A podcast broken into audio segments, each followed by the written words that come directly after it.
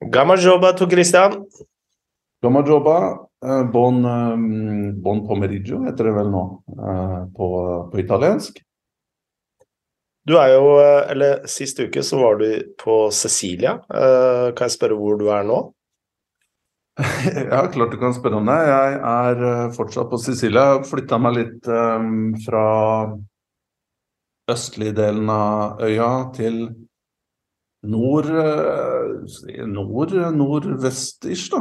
Nå er jeg i Palermo, som er eh, som bør være kjent for de fleste fotballinteressenter, da. selv om eh, det ikke har gått så veldig bra med laget. Det gikk vel konk her for fire-fem år siden. Men For en klubb det var på sitt, på sitt ypperste med både Cavani og det var uh, Dybala og en og det andre der. Um, så jeg er i den byen der. Um, Palermo er jo, for de som uh, uh, følger med, det er vel den siste klubben som har knytt, blitt knytta til City Football Group. Um, tror det skjedde i på senhøsten uh, i fjor. Um, så det er vel um, det, går, det, går, oppover. De ligger vel sånn midt på serie B-tabellen etter to uh, strake opprykk fra å som sagt måtte starte igjen da, fra laveste profesjonelle nivået. Um, så Palermo er nok en klubb vi kommer til å høre litt mer fra de neste årene. Palermo har jo drakter som er uh, gjenstand for uh, mye diskusjon. Altså, det er jo et sånn uh, elsk-hat, de draktene. De er jo rosa. Jo, men nå har vi jo kommet såpass langt i menneskeheten at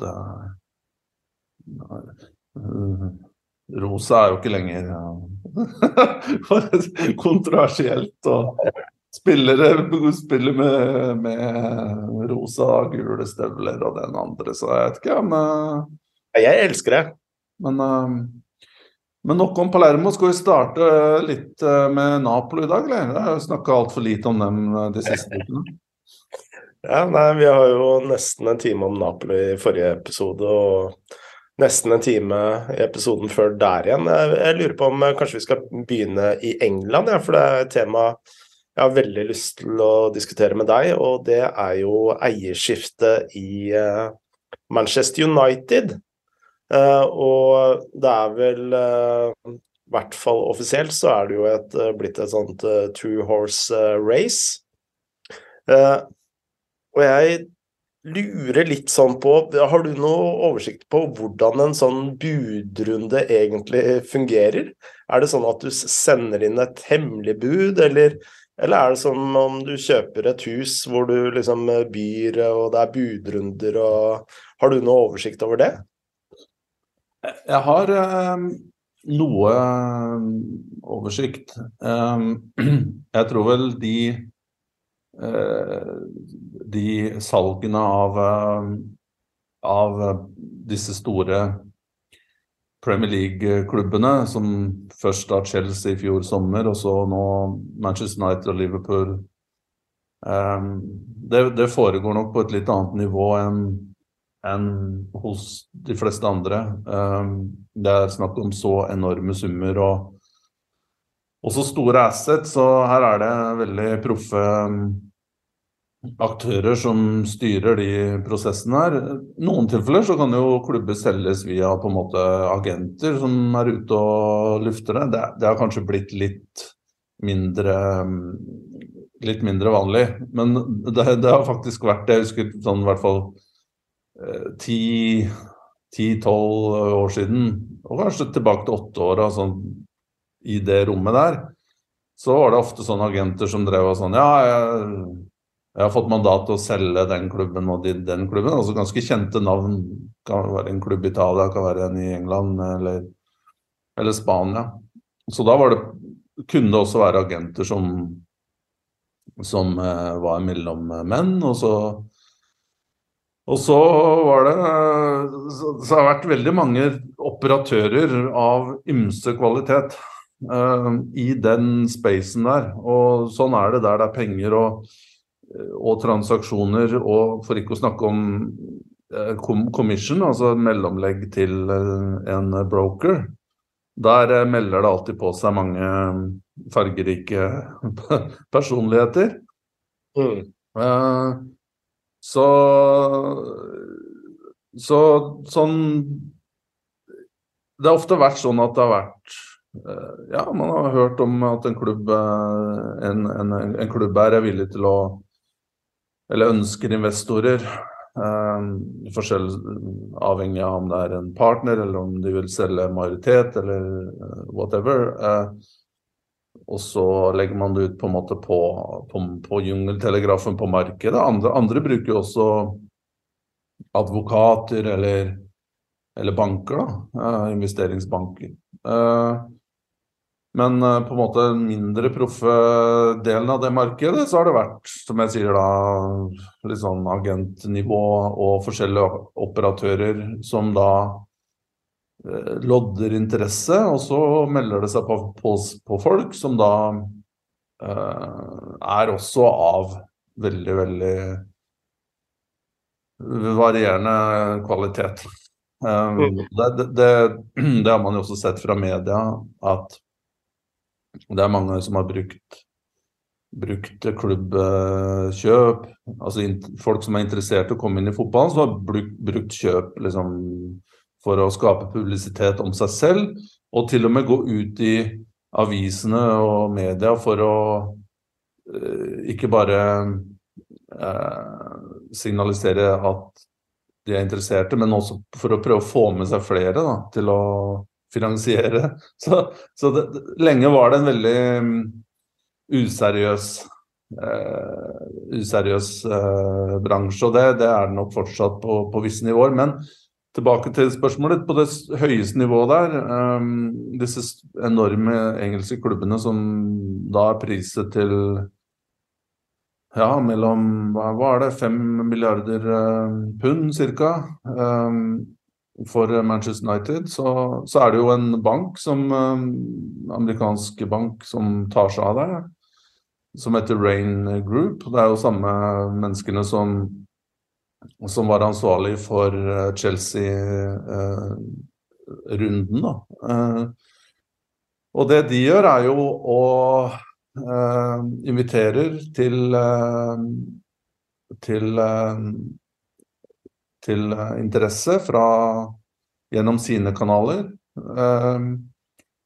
og så er det jo andre som melder seg sikkert på, men, men gjennom at de har hørt i media osv. Men det, er nok liten, lite trolig i de tilfellene her, for det er så stort, store, store operasjoner at det er jo veldig, som vi har vært inne på i tidligere episoder, at det er jo veldig, veldig få Eh, entities, om det er private eller, eller statlige fond osv., som i det hele tatt er aktuelle til en sånn type eh, Til å finansiere den type eh, investeringer. Eh, og så er det Så må man jo selvsagt eh, by på Altså den, den, banken vil jo da ta en eh, ganske god og seriøs due diligence-runde av interessentene. Og gå gjennom og se om dette er, dette er oppriktig seriøse folk som har disse midlene som skal til for, tatt, for at man i det hele tatt skal bruke tid på dem i en sånn type prosess. Så mye av den tidlige hva skal vi si, informasjonsbyrden og informasjonsplikten ligger jo hos den kjøpende part for å kunne dokumentere eller in, inter, investerende part. Da, altså den, for å dokumentere at man faktisk har eh, midler til å, til å, være med på dette her. Og at man ikke bare kaster bort tid da, på, på useriøse eh, folk. Og når det er gjort, så, så er det jo da blir det jo snudd litt på hodet, for da eh, Da eh, Ja, man må, man må, da signalisere, så vidt jeg forstår, et slags eh, tentativt bud basert mm. på eh, en Basert på, på økonomiske rapporter på, fra disse selskapene. Selvsagt så får man jo en viss tilgang ved første før man byr, for å kunne på en måte være, forholde seg litt til verdsetningen. Og, og, så, men så vidt jeg har forstått, da noe av utfordringen her med disse salgene, er jo at man ikke får ordentlig innsyn i Som potensiell investor så får man ikke innsyn før man har faktisk um, committed da, til et La oss si det et, et, et tilbud som man har gitt. Mm. Eh, så det er jo først nå, f.eks. da eh, disse to det nevnes, eh, sir Jim Ratcliffe og denne Jasim Eltani fra Qatar. Nå er jo nå, nå, er det jo denne deadline forbi, og nå er det jo da Så vidt jeg forstår, så har de også da mulighet til å få mer innsyn. Eh, så jeg er litt, sånn, litt usikker på akkurat detaljene i prosessen nå. Fordi om man da først har på en måte eh, The Glazers og Rain Group i, den, i, det tilfellet her, om de nå velger et foretrukket uh, tilbud, og så gir de dem en eksklusivitetsperiode til å gjøre due diligence og nummer to blir lagt på vent her, eller eh, hvordan akkurat det gjøres, er jeg litt usikker på. Men det er fortsatt et godt stykke igjen her, da, til, uh, til uh, man kommer til målstreken. Når du uh, sier 'committed', så er det kanskje verdt å merke til at det betyr jo også at du må gjøre et innskudd. Et slags depositum uh, for å være med i, uh, i prosessen. Eh, men vi har jo snakket om eh, Ratcliffe eh, tidligere. Ehm, men hest nummer to, nær sagt, det er jo sjeik Jasim bin Hamad Al-Thani fra Qatar. Og det, det Altså, vi har jo akkurat hatt et verdensmesterskap som har vært veldig kontroversielt, i hvert fall her i Nord-Europa, men også, også i, i, England. Men det er jo en rekke spørsmål som reiser seg om han får, får vinnerbudet, da. Det handler jo om Eh, er dette en eh, stat som eh, kjøper, eller er det faktisk han som person? Og man skal jo gjennom en due diligence-prosess på lik linje som man gjorde f.eks. i Newcastle, hvor det har blitt skrevet om at det har kommet press fra britiske myndigheter for å tillate salget. Det har Eh, selv om eh, eierne nekter for at eh, det har noe med staten Saudi-Arabia å gjøre, så har likevel offisielle myndigheter i Saudi-Arabia omtalt Newcastle som sin klubb og sin investering og, og de tingene der. Hva er dine tanker rundt uh, om oppkjøpet fra sjeik Yasim Altani tenk, rundt alt dette her? Ja, eller det potensielle oppkjøpet, da. Det er jo ikke helt i boks ennå, men uh, du, det, det, er uh, Du har jo vært innom en del av, av, av utfordringene der, og det er jo en Oppå si en sånn veldig Hva skal vi si En eh, slags um, dette er et, uh, problematikk som uh, ikke forsvinner, da. Altså som, som dukket opp ja, for så vidt med, med, med inntog av, av Abramovic som på en måte den første store investoren i, i engelsk fotball i 20, 2003, eller hva det var. og så er jo da 20 år, og da, det, hele tiden så har det jo vært litt sånn store, eller mer eller mindre store eh, problemstillinger rundt dette her. Hvor kommer, hvor kommer pengene fra? Hvor, uh, hvor uh, hva slags moralsk kompass, uh, historikk, forbindelser har disse menneskene? Mm. Og holdningen har jo vært, som du også var inne på her, Frode, for et par-tre uker siden, at det har liksom bare vært sånn Ja, men var det Harry Rednap en gang som sa at Supportere hadde jo ikke brydd seg om da Saddam Hussein hadde tatt over en klubb, så lenge du brukte penger på overganger. Mm. Um, og det var vel ti år siden han sa det.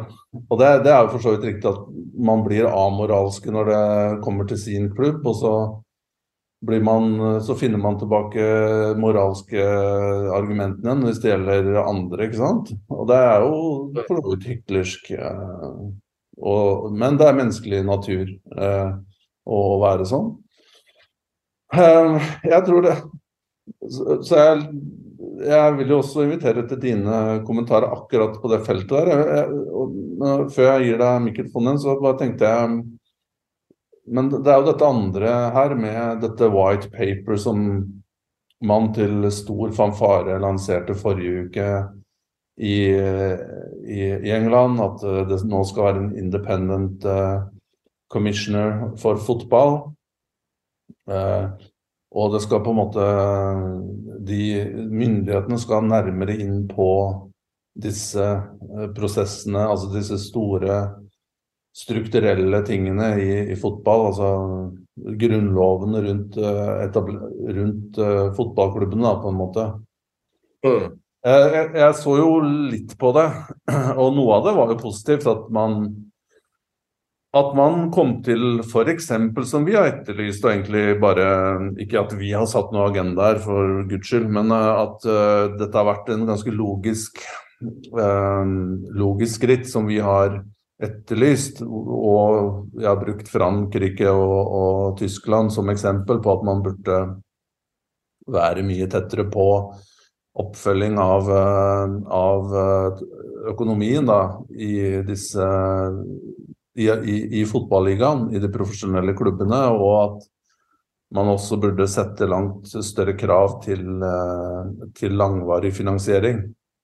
Sånn at man ikke bare kan komme og så løpe unna hvis det, hvis det går dårlig, og hvis man rykker ned f.eks., som, som ofte skjer. Uh, så, så, det er jo positivt. Eh, det, det, var en del ting der som var Og det er jo litt mer supporterinvolvering um, osv. Som, som kan være en god ting. Uh, hvis ikke det på en måte tar, tar det for langt. Uh, men uh, det jeg tror man ikke løser der, det er jo akkurat det du sier der om, om å spore spore opphavet, da, eller opphavet til, til hvor, hvor, kommer disse pengene fra. Altså, det er vel og bra hvis det er um, et offentlig registrert selskap i, i, Europa, så er det klart at man, man har veldig enkle metoder å, å finne ut finne ut av alt. Alt er på en måte i, i proff.no.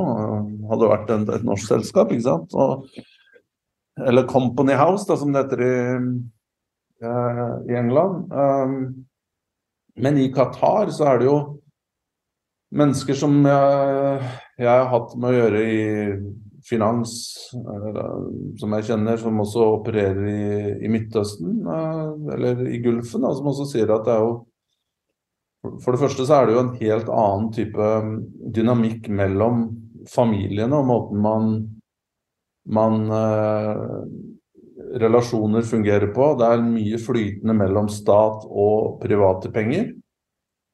Eh, flere av disse nasjonene er jo nesten sånn at ja, som jeg sier, staten er nesten en privat eh, pri, privat eh, konto. altså og eh, og det er jo dynastier som styrer disse gulfstatene, som er som, som er, eh, går langt tilbake og har store forgreninger hit og dit med mange, mange familiemedlemmer, prinser eh, og osv. Og, og det å da på arabisk eh, og gjennom de systemene som de har bygd for sikkert, og kanskje også gjøre det vanskelig for innsyn fra, fra fra, fra, Vesten, eller fra på en måte mer moderne land, om du vil. Det vet jeg litt om, men i hvert fall så er det et, et spindelvev og noe som er ekstremt vanskelig å klare å dokumentere for utenforstående. Mm. For, for, dette er så flytende og så, så uklart. Uh, uh, og, og, på mange måter også uformelle relasjoner. Uh, og det, det Slik det fremstår for meg, så virker det nesten som at den forbindelsen til Saudi-Arabia og Newcastle her virket jo på en måte litt litt mer enklere å klare å lande på at der er det en Der er det en Der er det en kobling. Mm. Enn den informasjonen jeg i hvert fall har lest meg opp til i tilfelle med Manchester United og denne, denne Altani-familiemedlemmet. Så hvordan uh, hvordan man skal klare å lande på det ene eller andre, er jo fryktelig, fryktelig utfordrende. Mm. og, og, det er jo klart at de som tar avgjørelsen om noen skal kunne investere i engelsk fotball eller ikke, de, de, må jo på en måte de, de, kan ikke bare gjøre det på omstendigheter eller mistanke. De, de, må jo ha retten De må jo dokumentere at her er det en forbindelse som er veldig, veldig klar. Ja. Og den er sånn og sånn, og du må nesten bekrefte pengestrømmene, og det, det, det, tror jeg ikke man uansett klarer. Så. Så. det der tror jeg For meg så fremstår det som et uh, puslespill man ikke klarer å løse. Og, så, jeg, jeg, tror nok Jeg tror vel at til slutt at de får um, At det her går Hvis det, det blir det vinnende budet, så tror jeg nok det går i orden uh, ut fra min lille kunnskap. Men men det, store spørsmålet er jo det etiske og Og eh, moralen her. Hvor står du der, da? Med tanke på på, på, på de, de, de, tingene som du, du, tok opp der med en ny eh, Qatar som som fullmakt, eh, eller fullmakt som eh, stormakt i fotball. Og det andre poenget her er jo også da eh, bare som en forlengelse av det vi var inne på der med, med å få tillatelse til å kjøpe klubben basert på forbindelsene. Det handler jo også om at man ikke skal kunne eie da PSG i det tilfellet her og Manchester United, bare sånn at vi har nevnt det. Mm. Ja, bare understreke det at det, én uh, eier eller eiergruppe kan ikke eie uh, to lag i samme europeiske turneringer. Ja, og det Og igjen så er det jo da I det tilfellet der så er det jo uh, Ja, så er det jo selvsagt uh, både Uefa og i hovedsak som, som, må se på det, da. Så det ble litt sånn blanding av Eh, men allikevel så er det jo en due diligence-prosess som må gjøres av, eh, av de engelske eh, siden der, som også blir komplisert å, å ta mm. tak i. Ja. Jeg vil bare nevne én liten ting før jeg går løs på det moralske aspektet her. Og det var jo når det kom ut at da engelske myndigheter ønsket å sette ned et utvalg som var et kontroll organ for eh, engelsk fotball, så, så, så, svarer jo Premier League med at eh, ja, det ønsker vi oss velkommen, men vi vil bare ikke at det er politikere som sitter i dette utvalget, for de stoler vi ikke på. Parafrasert. Så Ja, det kan man jo nesten uh, ha litt, uh, være litt enig i. Ja, og særlig når man vet hva som har kommet ut rundt dette med Newcastle og Saudi-Arabia.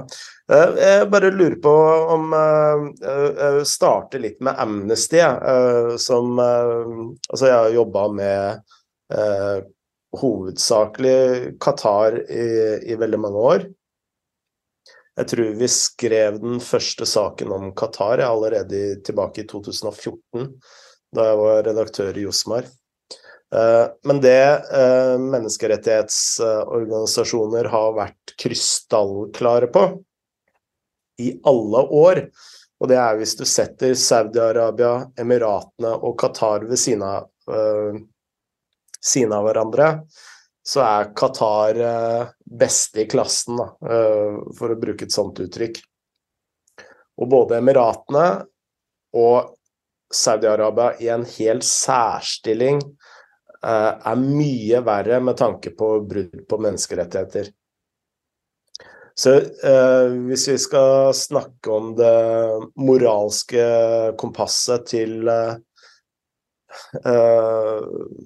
til nye eiere i Premier League, så tror jeg ikke at det er Qatar som eh, skal være liksom uh, uh, Hvor grensa Eller hvor man putter en ny ny strek i sanden, da. Altså, den har allerede uh, Newcastle og Saudi-Arabia liksom Den topplasseringa er det de som har tatt uh, til gangs. Så uh, da tenker jeg at man, man, kan ikke stoppe her med Qatar. Da må man heller ta en større debatt som omhandler alle de nye eierne. Og hvis man skal gjøre en ny due diligence på eierskap i, i, engelsk fotball, så må man eh, nærmest starte på nytt igjen. Og det vet vi at det er jo ingen realisme i. Eh, så akkurat nå så tenker jeg at eh, altså den moralske debatten, om man skal bruke et sånt uttrykk, den er tapt. Den, er, den kampen er over. Og jeg, jeg, jeg, kan ikke se for meg hvordan i alle dager det skal reverseres. Også med tanke på hvilken posisjon Qatar har fått i europeisk fotball, som nærmest kontrollerer Uefa og eh, European Club Association. Eh, de er en så stor maktfaktor i, i, eh, i europeisk fotball nå, så det, det vil aldri kunne reverseres. Og for å være litt hard, da, den kampen er tapt. Det er ikke, det, det, altså, den er ferdig. Den er over. Uh, borte vekk. Ja. Så Ja, jeg syns jo du oppsummerer det du, du oppsummerer det bra. Uh, men man så jo her i forrige uke hvordan, hvor stor um, polemikk som ble som ble generert da, på bakgrunn av at disse nyhetene kom om et mulig oppkjøp av Qatar um, fra Qatar, av Manchester United.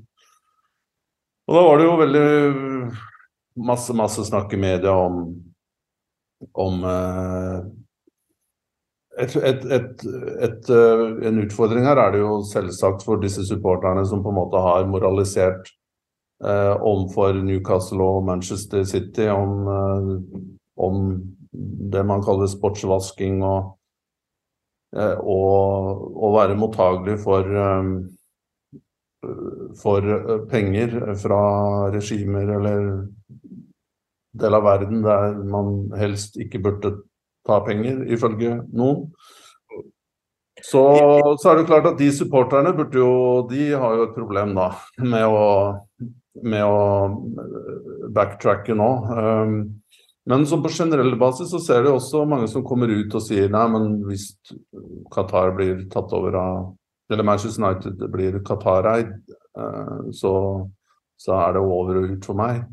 Um, hva, hva, hva, tenker du om det spørsmålet der? Er det, jeg, jeg føler fra min side at jeg har respekt for eh, egentlig alle synspunkt her, fordi eh, det er jo vi, vi, vi, hadde en prat sånn for et halvt år siden om, om Haaland og og Manchester, Manchester City om akkurat de samme tingene. Mm. Eh, Så jeg hadde jo en ganske lang eh, rant eh, på, eh, på rundt disse spørsmålene her. Hvis noen mot formodning skulle ha interesse av å lytte på det igjen, så var det sånn slutten av september, midten av september, tror jeg, i 2022. Men um, det som er eh, saken, er at um, eh, no, jeg har respekt for, for de som sier OK, jeg er ferdig med Manchester United. Det er ikke den klubben som jeg eh, ble supporter av. Eh, jeg, jeg ble fan på 80-90-tallet, før Glazers holdt ut med dem. Men nå er det som kommet, er enda, enda mindre appellerende. Jeg, jeg er ferdig. Det må man jo også respektere. Ja. Da er det de som sier også, at, men, og det syns jeg er et synspunkt som er litt sånn blitt eh, Det jeg ikke liker, da, det er den shamingen av de som faktisk sier at jeg valgte å holde med Manchester United. Jeg har vært supporter i, eh, i eh, så og så lenge. Det er en klubb som jeg eh, elsker, om du vil. Jeg har et større problem altså, og det er jo ikke sånn lenger at nå vant jo Manchester United første tittel på, på, noen år nå, så, men det er jo ikke det er jo ikke lenger sånn at du anklager Manchester United-supporter for, for å være glory hunter, da, som det ofte var på 90-tallet, hvor liksom mange hang seg på fordi de vant. Men de har vel, mange av dem har de vel kanskje hoppa av nå som det ikke har gått så bra. Men Mm. eh, jeg får litt problemer med de som på en måte sier at nå må du stoppe, nå må du slutte å holde Manchester United fordi de kan bli, eller hvis de blir Qatar-eide, så må du slutte, for det er umoralsk å holde med den klubben. Det at andre hele tiden, og det, det her er en fryktelig eh, Jeg syns det er fryktelig problematisk at i media så skal man hele tiden bli fortalt hvor eh, på en måte andres moralske kompass skal stå. Og alt er svart og hvitt til enhver tid. Ja. Her mener, er- jeg at det er mulighet, her, her mener jeg at det er mulig å si at du er eh, Manchester United-supporter, det er klubben din. Akkurat som en Newcastle-supporter eller en eh, Manchester City-supporter. Men jeg mener jo det vil være edruelig og, og ganske som et oppegående menneske å kanskje si at ja, det er, det er ikke optimalt at vi har eiere fra, fra steder der menneskerettighetene er på agendaen og blir eh, eh, ja, ikke blir praktisert sånn slik som jeg ønsker, men dette er noe klubben min. Jeg kan, jeg kan ikke forholde meg til Det er ikke noe jeg har kontroll over. Det er- Det, å støtte, det å støtte Manchester United er ikke det samme som å støtte Qatar. Nei, korrekt. Og, det, og du som supporter kan ikke på en måte Du har null eh, impetus, sånn som det har blitt, i hvem som eh, Hvem som til enhver tid eier klubben din. Ja, du kan, eh, du kan gå med de, disse eh, Manchester United-klubbene har jo stått år etter år med disse eh, skjerfene med, med golden og green. og protestert mot Glazers, og det har vært tungt for dem. Men igjen, du kan jo ikke på en måte bare forlate klubben fordi du ikke liker de som tar over. Det det det er helt utenfor din kontroll. Og jeg mener jo som fotballsupporter så er det jo Du kan jo aldri på en måte Det, det er jo noe hellig der som du som er en del av det, om jeg skal ta det liksom opphøyde, kanskje litt for høyt her, da, men det er en del av din identitet da, for mange, så er det det. Ja. Og så her føler jeg at det blir litt sånn hysteri om at uh, folk er da ute og Ja, nå, nå må du gjøre det, og du må gjøre det. Men jeg syns folk får ta de valgene selv, og så får vi respektere det. Altså det jeg syns det er så fryktelig barnslig holdning å hele tiden å skal diktere andres moralske kompass. Jeg er helt enig, og det skal man være sånn på generelt grunnlag eh, utrolig forsiktig med. Eh, plutselig sitter du der og gjør noen umoralske avgjørelser eh, selv. Så Nei, det er jeg helt enig i. Og det er litt sånn uh, Svea uh, har liksom sagt mange ganger, da det er, Han uh, har jo fulgt Manchester City siden han var ungdom, nær sagt. Og han er fullstendig klar over hvilket regime Emiratene er, men altså, Manchester City er hans klubb.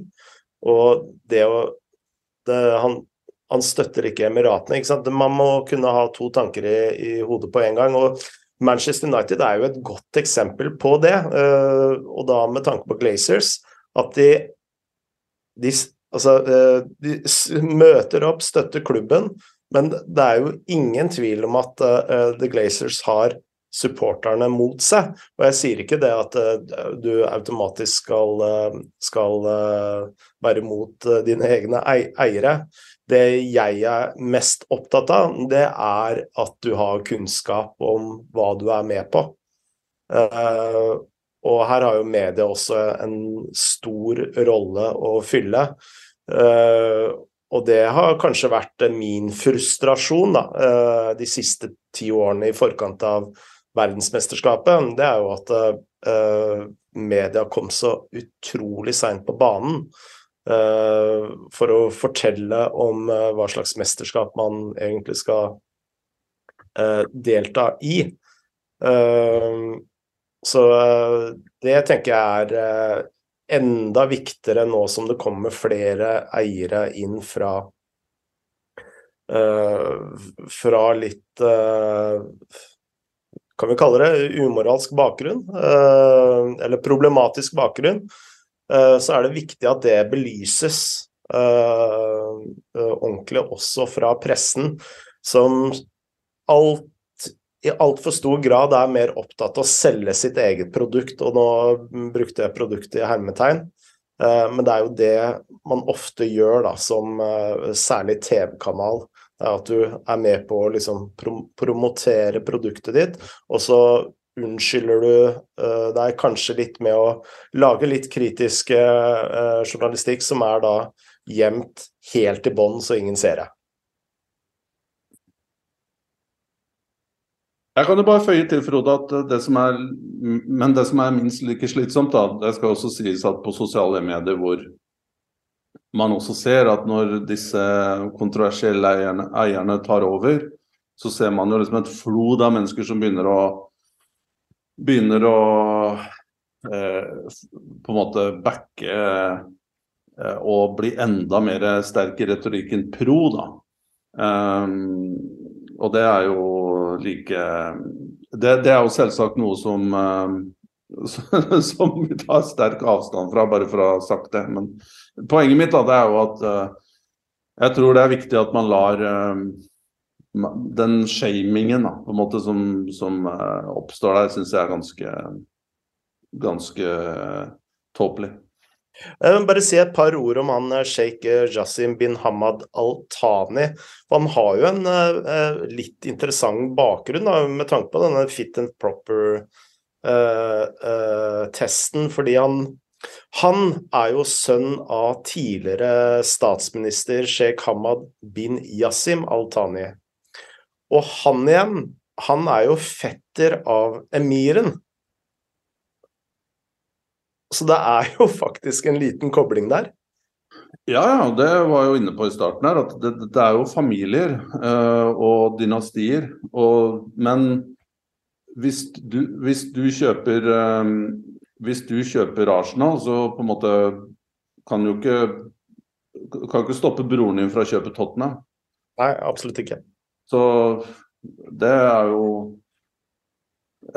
det, det, Men spørsmålet er jo om det er knytta til på en måte staten på samme måte som PSG er med, eh, med, med, med Qatar Sovereign Wealth Fund. Om det er linker mot det, er jo det som man må nøste opp i her. Uh, har du et bedt på uh, hvilke av disse budene som uh, får vinnerloddet? Det er jo fristende å tro at det er, eh, at det er Qatar eh, som, eh, som tar som tar prisen her. Fordi, ikke, ikke, bare fordi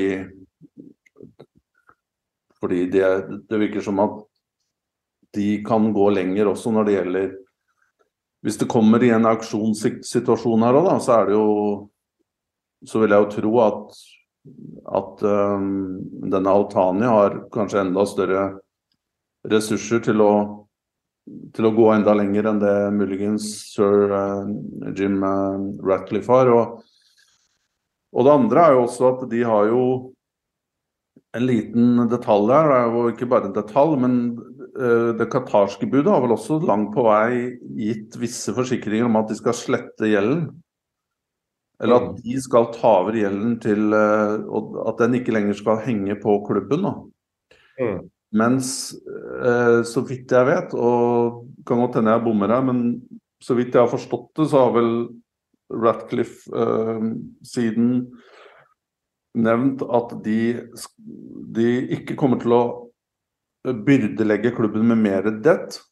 Men det er ingen, så vidt jeg har hørt, garanti for at den skal på en måte fjernes umiddelbart. Da. Og det er jo en stor eh, en stor eh, en, en, et tungtveiende argument her. Um, men for Glazer så er det jo vil jeg tenke meg til slutt. Det, for dem er det jo en business-transaksjon. og De vil jo cashe ut og, og, og ta det som gir dem mest return, vil jeg tro. Så på det grunnlaget så er det nok uh, Qatar som stiller sterkest, vil jeg tro. Hva, hva, tenker du? Nei, jeg tenker jo også det. Uh, definitivt lavest odds på, på qatarerne. Men jeg har humra mye over hele denne kjedereaksjonen her. Og jeg, jeg, bare lurer på om hadde ikke Cristiano Ronaldo gått ut med dette intervjuet med Piers Morgan, så om, om Glazers overhodet hadde lagt uh, klubben ut for salg? Ja, det kan godt være. Det var Det ut, utløste nok mange mange, mange effekter, da, helt klart. Eh, vi må snakke om eh, litt andre ting òg. Vi har fått et spørsmål fra Jørgen Nystuen, som eh, lurer på Chelsea og hva de bør gjøre med Gram Potter, som åpenbart bare gjør laget svakere og svakere. Ja, det er, det, dette er jo en ganske En ganske utrolig status for Chelsea. Mm. Altså um, nå er det vel um, ja, Er det én eller to seire på ti Premier League-kamper eller noe sånt? Det, det ville jo vært uhørt. De sitter, det er nesten et mirakel at de fortsatt er på tiendeplass med den uh, utviklingen de har hatt. Ja, altså, de har vunnet en kamp uh, siden 15.1. Så på siste seks så har de tre uavgjort, og nå på de siste tre tre tap. Da i alle turneringer uh, mot Dortmund. Og selv et tap mot Southampton, bunnlaget, uh, var jo skremmende nok. Men uh, for supporterne så er det vel tapet mot Tottenham som kanskje gjør vondest. Jeg husker jo Det var jo på en måte en tilsvarende altså Hvis man bare ser på poengfang, så var det jo en litt sånn tilsvarende krise i, på midten av forrige årtid. Jeg lurer på om de havna på tiendeplass i Premier League. Og så, og så, vant de vel da ligaen året etter. Mm. Um, men um, det er vel usikker på om det kommer til å skje. Eh, vi, vi hadde jo en lengre episode om um, der vi tok for oss uh, Graham Potter litt, da. Uh, da han tok over i var det slutten av august i fjor. Mm.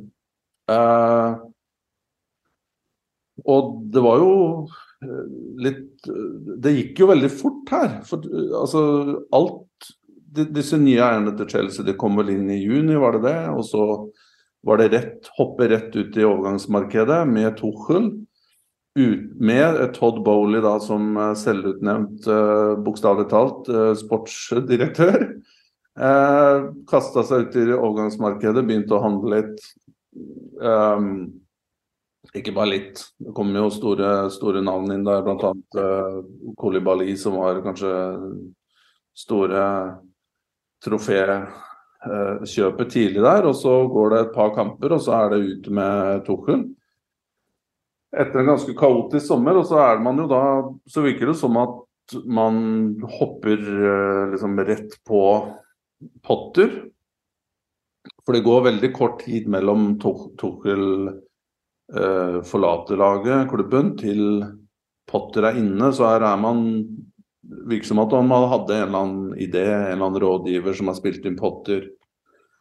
Dette her, dette her eh, forteller meg at ting har gått veldig veldig fort i svingene. Ja. Jeg skal også legge til at man da henter inn eh, det som ser ut til å være ganske imponerende sånn direktørsjikt der, av folk som har kommet inn eh, fra forskjellige eh, med gode CV fra Europa. Mm. Og så kommer de inn igjen etter Potter. Ja. Så her har man jo på en måte bygd ting veldig sånn eh, Her er eh, her blir, fort, her blir veien bare eh, på en måte asfaltert foran foran Lamborghinien din mens du står bak og tuter. Mm. så, så her det er jo ikke overraskende at de er i et litt av et uh, er, er inne i en veldig kaotisk periode. For dette vil jo også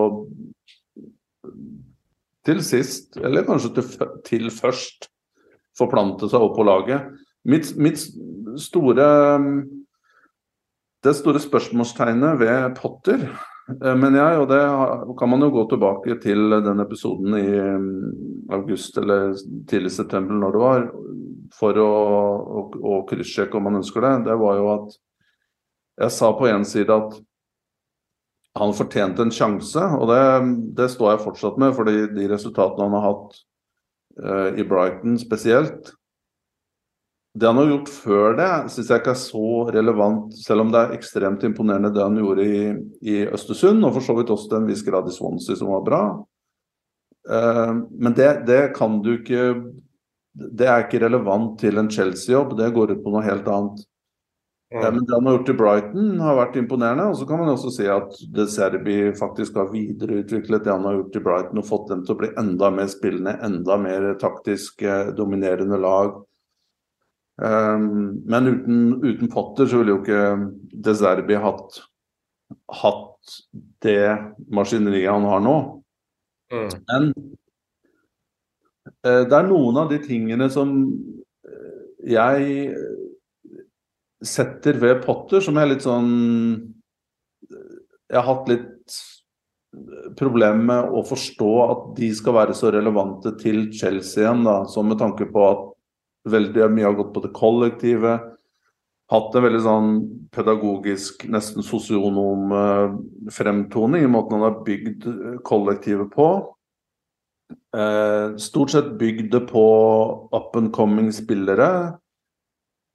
Litt sånn outsider-spillere som mislykkes andre steder. Gjennom hans meget imponerende perso personer så har han klart å få ekstremt mye ut av dem. Hatt hatt gode medarbeidere rundt seg også til de nivåene han har jobbet på, som har på en måte forstått hva han ønsker. Men det store problemet er at i, en, i, i Chelsea så må du Det krever et helt annet skillset enn å lede spillere i Brighton eller Østersund. Nå er det også stort gap mellom Østersund og Brighton, bare for å ha konstatert det. Men der er du inne på et nivå hvor uh, spillerne stiller helt andre krav til deg som leder. Um, noen ønsker kanskje mer autoritet, noen ønsker kanskje mer um, Altså det er et mye større press fra spillerne på hva de ser på som en god trener, enn det man har lenger ned på pyramiden. Um, så for meg så var det en er, Og det er fortsatt en gamble, men som sagt, jeg forstår hvorfor de tenkte at la oss prøve, prøve Potter. Um, ja. Jeg husker jeg beit meg merke til et intervju med Todd Bowley eh, rett etter sparkingen av Tukkel. Hvor han uh, sier at uh, hovedgrunnen til at de uh, sparka Tukkel, det var at de trengte en manager som de kunne jobbe med. og akkurat det ordet 'jobbe med' Og det er, det er jo blitt skrevet opp og ned i mente at Tukkel er jo ikke en enkel, enkel manager å forholde seg til. Eller han er, han er jo veldig bestemt på, på sin metode og hvilke spillere han ønsker osv. Men det er vel en, en, gjennomgangstone hos alle de største managerne i verden. Altså, Conte er vel ikke en enkel person å forholde seg til, han heller. Ikke Arteta heller. Uh, og sånn kan du jo egentlig bare fortsette å, uh, å gå, ned, uh, gå, ned, lista. og da tenkte jeg at dere vil da ha en uh, mykere manager, men uh, hvordan vil en mykere manager altså, fungere i en toppklubb? Hvor uh, du trenger egenskaper som er mye mer bestemte. Altså det er Jeg får ikke det til å stemme sammen, da. Det er jo én ting. Men det viktigste poenget det er at her kommer det amerikanske eiere jeg veit ikke nok om Todd Bowley, men jeg antar at han ikke har jobbet med, med fotball på det høyeste nivået eh, tidligere. Eh, og det da at han skal komme inn og belære Tukkel på hvordan han skal drive laget sitt, som jeg, jeg har jo ikke noen forutsetning for å si at det var det han mente. Men det er sånn jeg forstår de uttalelsene litt sånn implisitt, da. Ja. Uh, og eh, det er jo Det har jo vist seg hver gang, og da særlig amerikanske eiere, med Burnley kanskje som det grelleste eksempelet, hvordan de skal eh, da belære mennesker som har jobbet med dette her i lang, lang tid, og beviselig kan det de holder på med. Det går jo skeis gang på gang på gang. Og så er det veldig mange som sier ja, men se på Liverpool. Altså, Liverpool er et unntak fordi eierne eh, forsto at de var på vei i feil retning, og overlot mer av ansvaret, mer, mer av de kunnskapsbaserte løsningene til de som hadde peiling, og ikke minst, ikke minst slo jackpot med Jørgen Klopp. Ja, og mm, jeg syns du Poenget ditt med, med Der du starta med at uh, man kvitter seg med en trener som er fordi han er egenrådig, er jo også et rødt flagg, som du sier. Og det betyr jo at eh, at man sliter litt med kanskje sterke personligheter Tuchel er tysker, han er uh, De er presise, de skal ha det på den måten veldig ofte. Og de er, men de har ofte en god idé om hvordan uh, ting skal gjøres. Ja. Du, og, som du, og, som du, sier der òg, Klopp er jo også sin egen mann. Uh, og som du sier, han, han er jo Jeg står jo fortsatt ved det at 90% av den æren som skal tillegges Liverpool sin utvikling de siste var det sju årene, seks årene han har vært der. Sju år. Så det er jo Klopp, absolutt. Eh, du skriver jo eh, for ISBN, e Tor Christian. Eh, og der har du en kollega som heter Gabriel Marcotti. Og du tipsa meg om en sak han, han skrev for et par dager siden, som har tittelen why Premier League clubs are no longer hiring as many top X-players as managers. Uh, og der er jo uh, Graham Potter kanskje et, uh, et eksempel å trekke frem. Ja, det er en veldig interessant sak, og anbefaler alle å gå inn og lese den. ligger, på, ligger på forsiden på, på ISBN nå. Og han har laget en ranking av på slutten av saken, da, som er litt sånn morsom. Og det er vel Ruben, Selle sin, uh, sin, ansettelse da fått permanent uh, jobb ut sesongen, tror jeg, i Southampton, som på en måte var katalysatoren for den saken her. Og der ranker han jo fra 1 til 20 eh, spillekarrierene til, eh, til, de eksisterende managerne. Fra Patrick Vieira nummer 1 og Pep Guardiola 2 og Antonio Conte 3. Og allerede på tredjeplass Conte, som hadde en egentlig ganske respektabel, men uh, litt sånn Ikke noe enorm spillekarriere. Så allerede fra Og så har du Arteta på fjerde. og um, Så er du nede på Lopetegui på, på femte. Det er vel Du skal være ganske dypt inne i La Liga for å på en måte kjenne så veldig godt til, uh, til hans bakgrunn eller å ha fulgt han da, som, som, spiller. Så ser man på bunnen her, da, hvor han har da Steve Cooper, som stort sett har jobbet med, med Academy før han eh, starta, i Swansea, var det vel. Og så Thomas Frank i Brentford på 19., og så er det denne Rubicelle som bl.a. også har vært uh, innom norsk fotball, på, på 20.-plass der.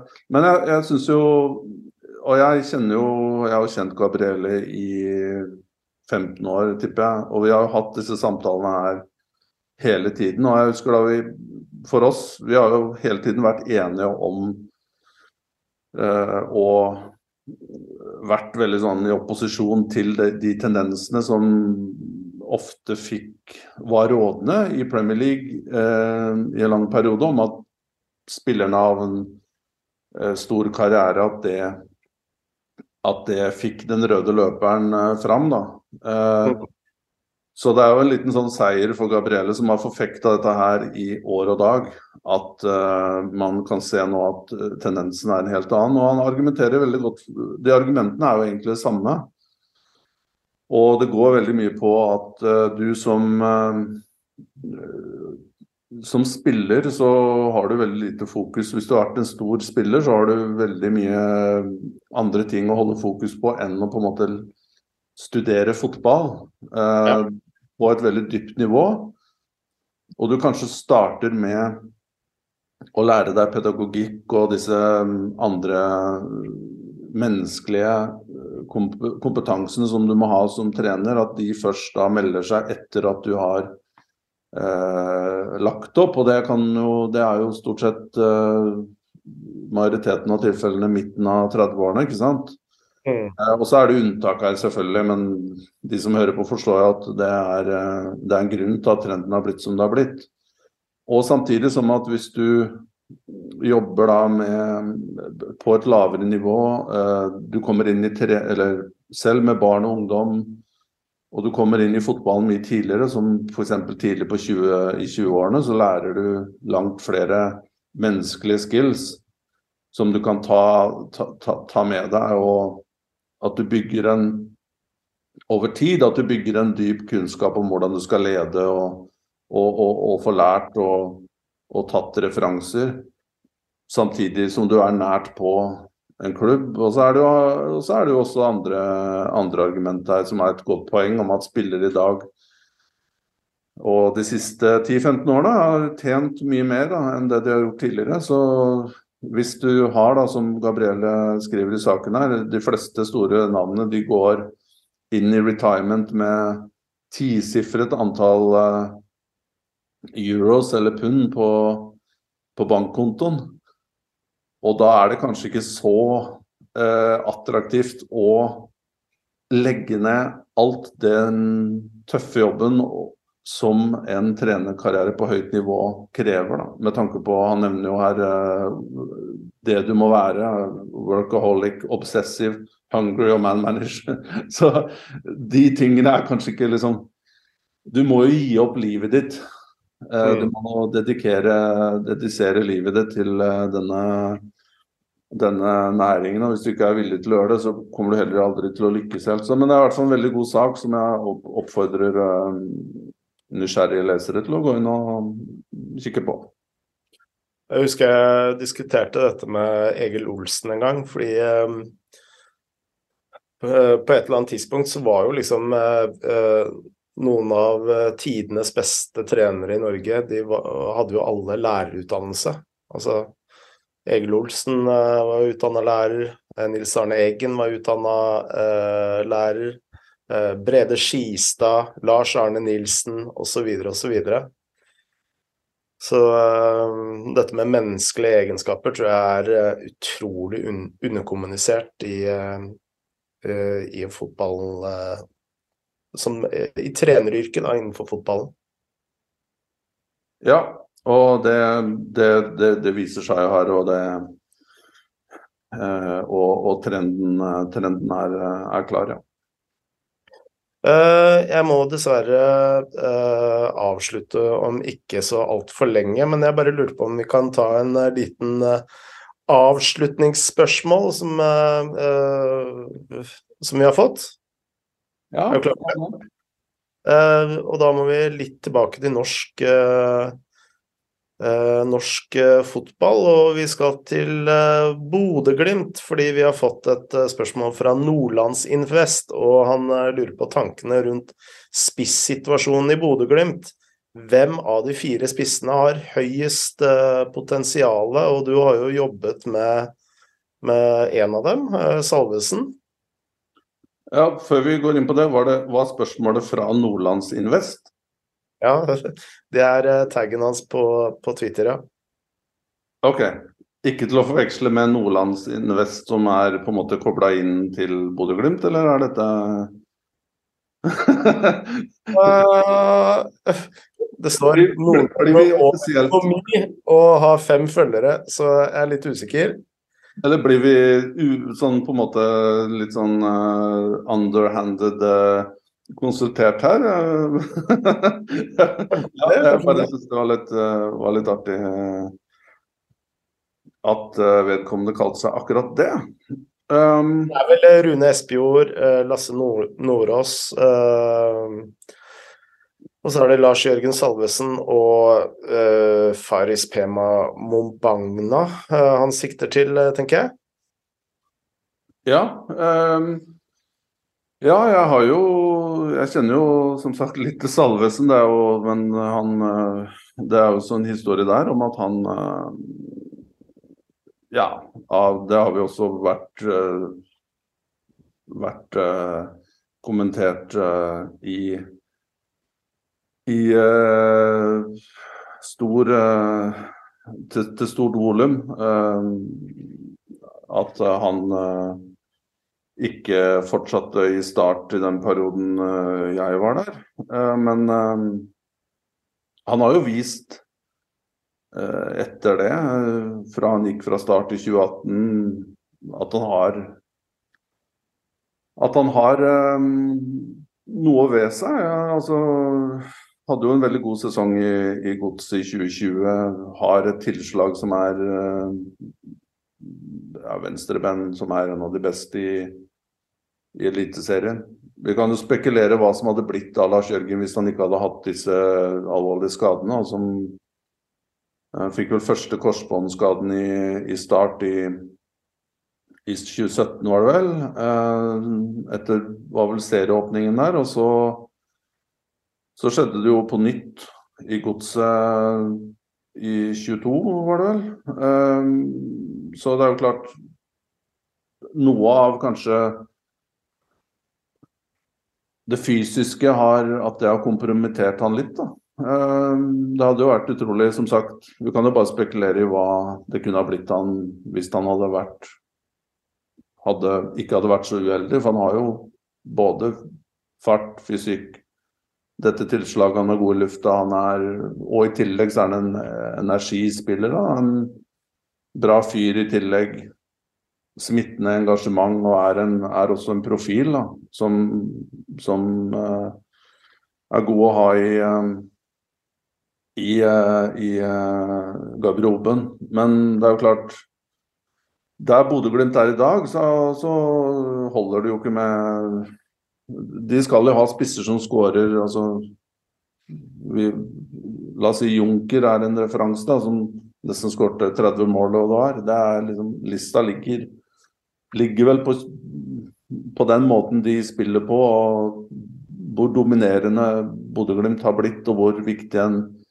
midtspiss er i det maskineriet der, så må du jo så ligger jo forutsetningen til rette for at en spiss skal kunne skåre høyt opp i double, uh, double figures. Mm. Og det har jo ikke Lars Jørgen klart av en eller andre årsaken. Så det er jo Så, så man er kanskje litt sånn fanga i at man har en, På én side så har man Salvesen har fått noen sjanser, det har ikke helt lykkes. Jeg ville defin, definitivt ha hatt han i en, i en stall der, for han har jo de kvalitetene, som jeg sier, til å lykkes i, i, i Bodø-Glimt. Og så har du da um, denne Mobanga som kanskje er mer kontringsspiller av fart og av ikke så god rettvendt, som det heter. Eh, som du kan bruke i andre scenarioer, hvor du ligger kanskje litt lavere. Og, eller som en uh, supersub eller noe sånt. Er, han, han, er også en ganske spennende spiller, som, selv om han er 22 år, han er ikke 18. Uh, flere som har spurt meg om han fra andre deler av Europa etter at Bodø-Glimt rykka ned. Jeg tror han scorer veldig høyt på sånne på en del datamodeller. Uh, så han har blitt flagga opp av mange. Espejord har det utfordring med, med, skadene, selvsagt. Kompletterer sjelden 90 minutter. Litt samme som Salvesen, på en måte, at han har også hatt store skadeproblemer opp gjennom uh, karrieren. Og du vet ikke helt uh, hva, hva, hva, Når om han, om han, klarer å holde seg skadefri. Og, og så har du Nordås som i utgangspunktet er et ubeskrevet blad, da, selv om han skåret et par mål for, uh, for, for Tromsø på lån. Mm. Så, så, man er litt sånn Optimalt for Bodø-Glimt så burde man jo Man klarer det ikke, men, men da, de drømmer sikkert om en At det plutselig dukker opp en, en spiller som er tilgjengelig, type Berisha som gikk til Molde, som man vet at er garantist men den, den spissøken, bl.a. som Viking holder på med, og, eh, og andre Vålerenga var litt der i tillegg. Eh, jeg vet jo selv hvor vanskelig det er å finne en garantist. Alle er jo på utkikk etter den, akkurat den spilleren. Så jeg vet ikke om de kommer til å ende opp i en situasjon her. Nå er vi en måned, det er vel ca. en måned igjen da, til seriestart. Cupen starter vel eh, snart nå. og hvor man på en måte må være litt tålmodig og så se utover hvem det blir man satser på. Jeg vet ikke om du har noen sterke meninger her, Frode? Uh, jo, uh, litt. Uh, kan jeg legge til en fin statistikk. da, At uh, under 16% av målene til Bodø-Glimt er jo skåret av spissene. og det er jo fryktelig, fryktelig lavt. Eh, jeg tror man må også se litt på Kjetil Knutsen og, og, hva han er opptatt av. Han er jo ikke bare opptatt av uh, spisser som skårer mål, men uh, han er jo også veldig opptatt av uh, spisser som kan gjøre en god jobb som førsteforsvarer og, og presspiller. Og der har jo heller ikke Jørgen Sallesen eller jeg registrerer at eh, Jørgen Salvesen har fått litt kritikk, da, og da særlig lokale medier, eh, for måten han har utført spissjobben. Men sånn generelt, altså når vi ser på et topplag, så, så er vel spissposisjonen også den svakeste delen til Bodø-Glimt. Og jeg, jeg, klarer ikke helt å se at uh, Bodø-Glimt skal bli en eliteserievinner med de spissene de har. Altså det er store spørsmålstegn på alle fire. Uh, både, skade, uh, både, skadehistorikk og, og, evner. Men hvis jeg skal trekke fram en Og tilbake til spørsmålet her, da. Altså hvilke spiss jeg kanskje ville gått for, så er jeg egentlig mest spent på Lasse Nordås. Eh, litt fordi han har en fysikk eh, som ligner kanskje litt mer det Botheim eh, hadde. Og kan passe Bodø-Glimt bra. Og så tror jeg man ser seg veldig blind på hvor få mål han skårte for Tromsø. Men da må du også se litt på hvordan Tromsø spiller, og, og spissene i Tromsø de får jo nærmest ingen målsjanser. Ja, men det er helt uh, utrolig. Det er jo tieren og, indreløperne som skårer mye mål i Tromsø. Og det handler jo litt om at det er spissen som går på løp og ska skaper rom, og så kommer tieren Mikkelsen i fjor, da. Uh, som setter, uh, setter måla. Så uh, på svaret på spørsmålet så tror jeg kanskje ville satt en liten prikk på det såkalte fjerdevalget, har jeg sett han har blitt omtalt som. Lasse Nordås. Ja, vi får se. Jeg er, jeg er, like spent som deg, og jeg tror vel også at det vil gå seg til. og Det kan godt hende at det er Lars Jørgen som eh, At han eksploderer og, og får selvtillit og, og på en måte Ja, at han får skikkelig sving på sakene. Det, men det er klart forventningene her er jo enorme nå. Men jeg må også bare si at jeg så, så litt på Bodø-Glimt i Europa her. Um, ja, de, de, hadde jo store sjanser og ble liksom det, det, er også styrketegn, føler jeg, at det var nesten begravelsesstemning. At de røyk ut eh, mot et uh, ganske godt lag eh, fra, fra, Polen, med mye større budsjetter, i hvert fall lønninger, eh, enn det man har eh, i Norge. Og jeg syns den måten Bodø-Glimt fremsto på, utrolig modne, førte store deler av kampene Spilte uten uh, noe frykt og var uh, i mine øyne det beste laget. Uh, og at man da har et norsk lag som er så langt inn i, i de siste rundene i Europa, som blir slått ut på ganske med små marginer, syns jeg er Syns ikke det er noen grunn til at det skal generere noe pessimisme der oppe i, i, i Bodø. For slik jeg ser det, i hvert fall. Ja. Men bra. Da, eh, vi kommer jo ikke gjennom alt vi skulle prate om i dag, men uh, det gode nyheter er jo at uh, vi har noe å prate om neste uke òg. Ja, hvis du er heldig så skjer det også noe i fotballen i løpet av en uke. Jeg pleier å gjøre det. Det er sjelden stille på de frontene vi pleier å blande oss borti med pratet vårt, så vi får nå se.